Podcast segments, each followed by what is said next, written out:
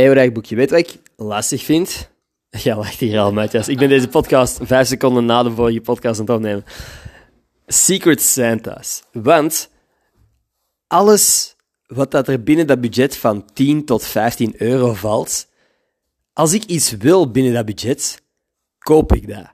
Dan wacht ik meestal niet tot een speciale gelegenheid. 10 tot 15 euro kan ik op de meeste momenten wel gewoon missen als ik iets echt wil.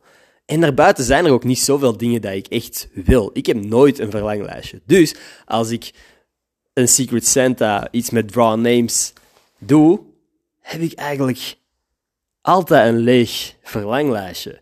En toch, als ik dan een cadeautje krijg, ben ik teleurgesteld als het niet is wat ik wou. dat klopt niet, want er was niks dat ik wou. En toch ben ik die kieskeurige motherfucker. Maar op zich, ik vind, ik vind het concept wel leuk. Ik vind gewoon verlanglijstjes heel moeilijk.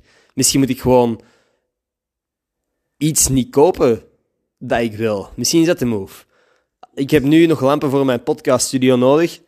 Laat ik die gewoon even flikkeren, mijn lampen, totdat ik eindelijk... Dat is het ook. Alle dingen die ik wil zijn puur praktisch, zijn puur voor mijn podcast en voor mijn opnames van, van video's en zo. Dus die kunnen meestal niet wachten. Als er iets vervangen moet worden, dan koop ik dat direct. Fuck. Dus uh, als je weet wat ik op mijn verlangen... Heb jij een idee, wat zou ik nodig hebben, Matthias?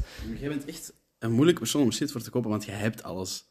Niet alles. Je hebt, nee, je hebt niet alles, maar letterlijk heel kantoor is een speeltuin. Dat is wel waar.